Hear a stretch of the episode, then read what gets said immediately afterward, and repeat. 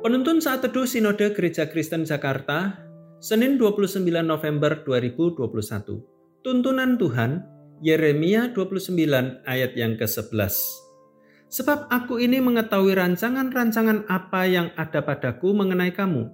Demikianlah firman Tuhan, yaitu rancangan damai sejahtera dan bukan rancangan kecelakaan untuk memberikan kepadamu hari depan yang penuh harapan. Suatu kali di tengah jalan, saya dan istri berdebat tentang arah jalan yang benar.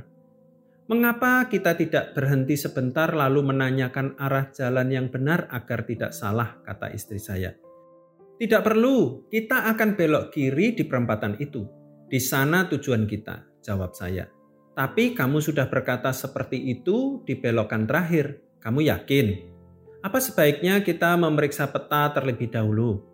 Tanya istri saya yang mulai ragu.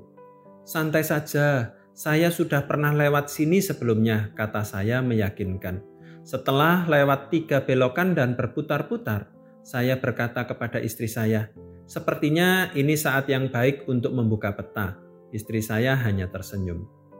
Dalam kehidupan ini, kita mudah sekali tersesat. Mengapa?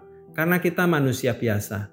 Tidak ada satupun di antara kita yang tahu dengan pasti apa saja yang akan terjadi ke depan. Maka itu sering kali kita mengantisipasinya dengan mempersiapkan setiap keputusan untuk tiap persoalan yang mungkin akan terjadi di hari depan.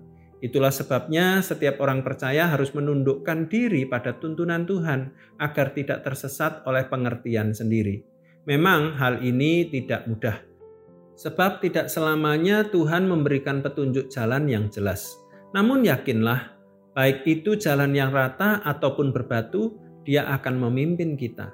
Belajar dari Musa, Ketika Allah memintanya memimpin bangsa Israel melanjutkan perjalanan, ia memohon kasih karunia Tuhan untuk menyertai mereka.